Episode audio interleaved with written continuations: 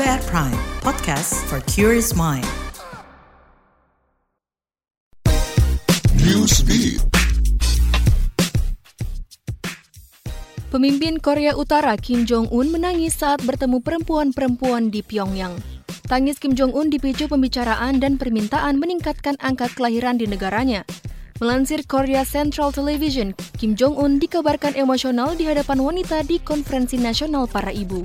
Di konferensi itu, Kim Jong-un mengaku menyesal angka kelahiran di negaranya terus menurun.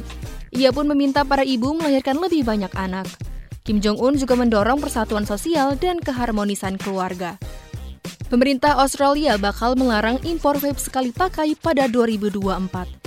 Ini dikonfirmasi Menteri Kesehatan Australia Mark Butler. Larangan ini dikatakan Butler sebagai tindakan keras pemerintah terhadap perangkat berisi nikotin yang populer di kalangan muda.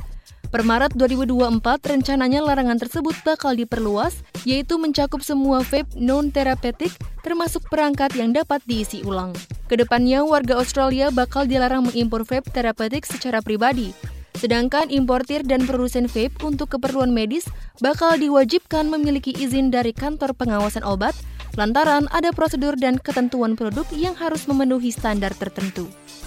Hasil riset dan survei Organisasi untuk Kerjasama Ekonomi dan Pembangunan OECD di Paris menunjukkan keterampilan matematika dan membaca remaja mengalami penurunan. Salah satu penyebabnya adalah COVID-19. OECD mengatakan ini adalah penurunan kinerja tertajam sejak tahun 2000. Pasalnya, dari 700 ribu pemuda dari 38 negara yang mengikuti tes pada 2022, terjadi penurunan nilai membaca rata-rata 10 poin dan 15 poin penurunan di matematika.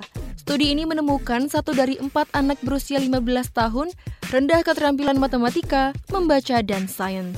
Mereka dikatakan sulit menggunakan algoritma dasar atau menafsirkan teks sederhana.